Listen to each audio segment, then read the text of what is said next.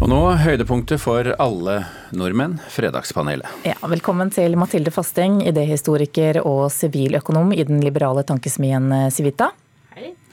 Anders Martinius Tangen, foredragsholder og gestaltterapeut med oss på linje fra Bergen. Hei, hei. Og Gaute Grøtta Grav, musiker og forfatter, og kanskje aller mest kjent for programleder for eh, realityserien Farmen. Og denne uken er du aktuell, for det ble kjent at du kommer til å gi deg som programleder. Hva skal du nå? Du, Jeg skal fortsette som programleder, men eh, etter 18 år med Farmen så tenker jeg at eh, jeg tror mange har forståelse for at de kanskje vil prøve å finne andre prosjekt enn bare akkurat det. Altså Farmen er jo en kjempestor del av meg, det er ikke tvil om det. Men det er godt å kunne bruke det profesjonelle livet til noe annet enn bare gårdsdrift 100 år tilbake i tid. Ok, Blant annet som deltaker i Fredagspanelet, f.eks. Oh yes! og det, det, som vel har skapt eh, mest engasjement denne uken, det har vært avstemningen i finalen i Melodi Grand Prix i Trondheim. Det nye internettbaserte stemmesystemet kollapset, og gullfinalistene ble til slutt avgjort av en folkejury på 30 personer. Vi skal høre litt hvordan det hørtes ut på fjernsyn lørdag kveld. Som eh, du som ser på nå kanskje har merket, så er det litt trøbbel med det stemmegreiene. Det jobbes nå på spreng for ja, å prøve å ordne opp i det. Eh, men nå er det altså nede. Det er nede. Men ja. så er det sånn at uh, man har jo alltid en følelse av at det kan gå gærent med dette internettet. Så vi har sikra oss med en B-løsning. Samtidig som det jobbes på spreng, så har vi for lenge siden bestemt at det skulle sitte en sånn folkevalgt jury med vanlige folk. Det er familier, det er alt ja, mulig. Folk sitter spredt rundt om i landet og representerer hele Norge akkurat nå. Ja, ja, ja, vi er også skuffa. Det er lov å bue. Det er lov å bue. Ja. For det var rett og slett mange som var eh, skuffet over at ikke hele folket fikk si sin mening.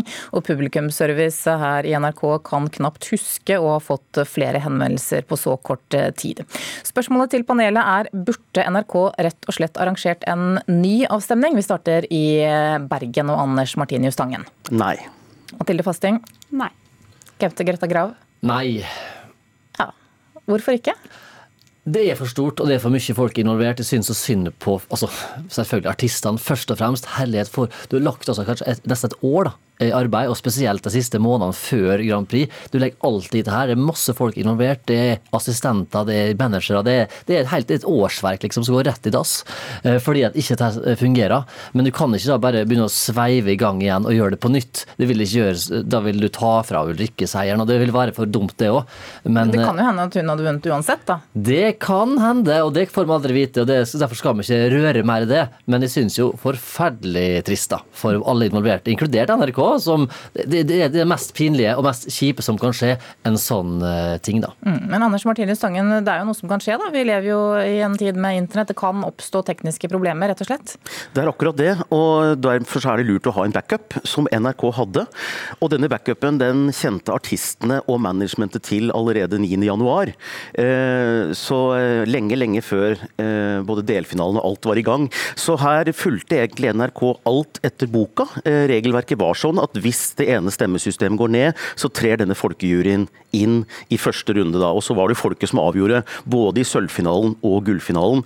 Så, ehm, så lenge ingen regler er brutt, så bør det heller ikke være noen ny avstemning. Men når det er sagt, da, så er det jo en veldig dårlig backup-løsning. Eh, bare 30 personer i en jury. altså Det burde være en backup-løsning som gjør at folk får stemt. F.eks. en god gammeldags SMS-avstemning. Det er det som burde vært denne backup-løsningen. da. Men ingen har gjort egentlig noe feil. Og som Gaute sier, altså, vi kan ikke ha en ny avstemning nå, for nå er det så mye følelser. Noen vil stemme på trass, og noen vil stemme i sympati. Og det blir så mange andre greier enn det musikalske som avgjør, da. Mm. Men Mathilde Fasting, skjønner du at folk er, er skuffet? Ja, det skjønner jeg at de er. Eh, altså, jeg mener, eh, det er jo, Du stoler på at teknikken skal funke. Så jeg tenkte egentlig bare å si at eh, det var godt det egentlig bare var MDG. Altså det var godt det bare var dette, og ikke var f.eks. et stortingsvalg eller noe annet som vi har sett f.eks. i USA. Når de skulle stemme på kandidatene i Iowa, så skjedde jo også kjempekluss. Og det måtte begynne, der hadde de jo for så vidt en manuell løsning, men det ble jo egentlig aldri det helt det samme for vinneren. Så det er klart at alle sånne avstemminger, når, må, når det blir kluss med det, blir jo en bitter litt sånn bitter smak for den som, som vinner, ikke sant? og også for de som har stemt, fordi man har gjort det en gang og trodd at det funker, og så plutselig så sås det tvil om, om det var egentlig det som ble det riktige resultatet. Men uh, det er jo verdt å tenke på at uh, en internettløsninger, at vi stoler så mye på det, og at uh, det skal være avgjørende når vi stemmer på. Dette her er viktig for veldig mange. Et stortingsvalg er også kjempeviktig, så det er, det er veldig lurt å tenke gjennom kanskje enda bedre backup-løsninger. Vi kunne ikke hatt en folkejury som skulle stemt på stortingsrepresentanter på et representativt utvalg av, av, av folk, selv om de var plukket ut på forhånd. Så det er en, et varsko om at teknikken ikke alltid funker. Mm, men det er jo ikke bare bare for, for alle dette her. Eh, Gaute, prøvde du å, å, stemme lørdag kveld? Ja, ja, selvfølgelig. Og så boink og kloink. Det var meldinga du fikk tilbake. Og det er jo selvfølgelig det er jo irriterende for en familie. Og jeg tenker sånn, det er greit. Det, det, det er ikke der det store problemet ligger, det er jo for artistene sjøl. Det er jo levebrødet deres. sånn Tone Damli som har brukt altså Dette var store greier hennes i hele 2020. Det skulle hennes momentum, og så blir det bare Det skjedde en feil, og så bare ut av det. Det går ikke an, da. Eh, TV 2 hadde jo i problemer med SMS-avstemning, jeg i starten av Idol-perioden. At alle SMS-ene kom ikke inn, for Telenor var ikke godt nok, eh, stort nok til å få det til. Og de måtte løse det med at eh, jeg har fått noen løsninger på det. da. Og det er sånn må NRK tenke òg framover. At du må i hvert fall være sikker på at ting får stemmen inn, i hvert fall, før du tester det på et sånt stort program som MGP er. Mm. Anders Martinus Sangen, eh, var du en av de, eh, dem som reiv seg i håret lørdag kveld? Reiv og reiv, fru Blom. Jeg satt med en gullhatt i eh, Trondheim Spektrum og så det hele. Så, og, og, og, det var Nei, men det er klart at vi skal ikke fleipe så mye med det heller. For jeg vet veldig mange fans som hadde gledet seg til dette 60-årsjubileet. Og det var viktig for mange. Det er viktig for mange. Og veldig mange er fortsatt ganske både skuffa og sinna sinna, og de har liksom mista litt sånn det engasjementet rundt MGP. Og, eh, men på den positive sida, da, så kan jo ingen i hele verden si at dette programmet er dødt, eller at det ikke betyr noe for folk. fordi Når vi ser det engasjementet som er nå, så viser det i hvert fall at dette er et av eh, Norges mest folkekjære programmer, som også Kringkastingsrådlederen Julie Bråttkorp sa. At dette viser jo egentlig bare hvor folkekjært dette her er. Så NRK må bare prøve igjen neste år og feire 61-årsjubileet med en avstemning som funker. Og gjerne utafor Oslo, for vi ser da hvilken folkefest eh, som er mulig å få til. Okay. Vi skal snakke om en eh, annen ting som har skapt storm denne uken, iallfall i sosiale medier. Denne uken så var nemlig det var nemlig Geir Pollestad fra Senterpartiet. På mandag så delte Michelin-guiden ut fem nye stjerner til norske restauranter. Det fikk mye oppmerksomhet i mediene, og, og flere, bl.a. NTB, sendte push-varsler. Dette er altfor mye, mente Pollestad. Han sa at dette er en god illustrasjon på sentralmakta, skråstrek elitens syn på hva som er viktig og snobberiets glansdager, skrev han på Facebook. Budskapet var jo at uh, her kom det en mengde push-varsler som en skulle trodd at en president hadde gått av i USA, eller uh, mennesker hadde landa på månen igjen. Uh, og så var det en pris som var delt ut. Ja, han sier altså at han også gleder seg over at norske restauranter gjør det bra, men at de bommer alle på én ting. Størrelse på porsjonene pinsettmat er ikke helt min eh, greie, sier han. Og Litt av poenget det var jo altså at det store flertallet av folket ifølge han aldri har besøkt en stjernerestaurant. Og spørsmålet til panelet er eh, er Michelin-restaurantene egentlig bare for eliten? Mathilde Fasting. Nei. Anders Martinus Tangen. Nei. Gaute Grøtta Grav. Nei. Nei veldig enig i det. Ja, ja men, men, samtidig ikke. Fordi altså, Michelin-guiden er for folk som Eller Michelin-restauranter er ofte folk som har mye penger til overs. litt penger til overs. For jeg har vært heldig for å spise på Noma i København, og jeg har spist på andre sånne flotte Michelin-restauranter og hatt veldig fine opplevelser og dårlige opplevelser. Men felles for alle er at det koster mer enn 1000 kroner. Og jeg forstår at det er, det er ikke alle som har råd til å legge 1000 kroner på bordet for en middag. Og sånn sett så er det for eliten. Men når det er sagt, så er disse Michelin-restaurantene i Norge et ekstremt inspirerende foretak. Eller alle disse her inspirerende for oss som er veldig interessert i mat. Jeg har lagd et program som heter Camp Culinaris, som går på sin tredje sesong nå på TV3, og som handler om å få kjendiser til å lage mat. da, Og ser hvor inspirert de er av nettopp sånn Michelin-kokker eller verdensmesterkokker som ikke hadde før. Før hadde Eivind Hellstrøm, liksom. Og så nå har han plutselig fått en etter andre fra hele Norge som brenner for mat, og ikke bare for internasjonal mat, som er brenner for den norske maten. Litt sånn som vi har gjort i Farmen òg, med brenn for den norske kulturen. Å få fram det, finne det beste fra, omtrent fra vikingtida og få det fram igjen for å få det ut til verden. Og norsk laks jeg kom fra Tokyo i går, og der finner vi norsk laks i de beste sushirestaurantene, og det er så kult å tenke dette her, nå har vi gjort noe riktig. Mm. For Pollestad eh, latterliggjør en stor seier for norsk mat, skriver altså landbruks- og matminister Olaug Bollestad. Mathilde Fasting, er det riktig å dra det så langt? Ja, Han drar det kanskje ganske langt, han Pollestad. Og pinsettmat syns jeg var ganske Det er et nytt ord. jeg tror jeg må, det, må, det må de merke seg i den der kåringen av årets ord. Vi får se om vi hører mer til den.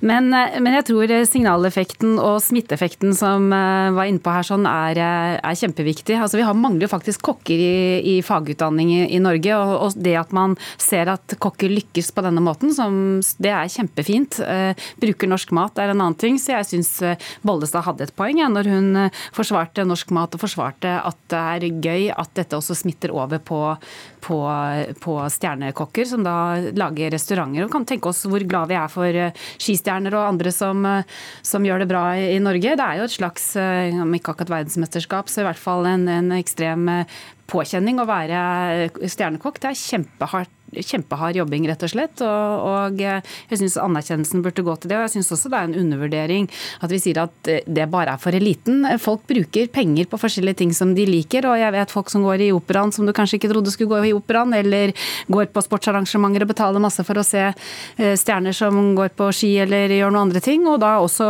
sannsynligvis folk som syns det er ok å spise god mat og går på Michelin-restauranter. Men kanskje noen blir også nysgjerrige nå og ønsker å finne ut hva pinsettmat faktisk egentlig er. Ja, og så er det jo ikke bare på hva skal jeg si, eh, Disse restaurantene ligger jo ikke bare der hvor eliten bor i Oslo, de ligger jo rundt omkring i, i hele landet. og Det er jo også fint. Mm. Men nå sier jeg, altså Den restauranten til det Smalhans i Oslo, der er den ikke med i selve eh, stjernerangeringa i Michelin, men de har hederlig omtale.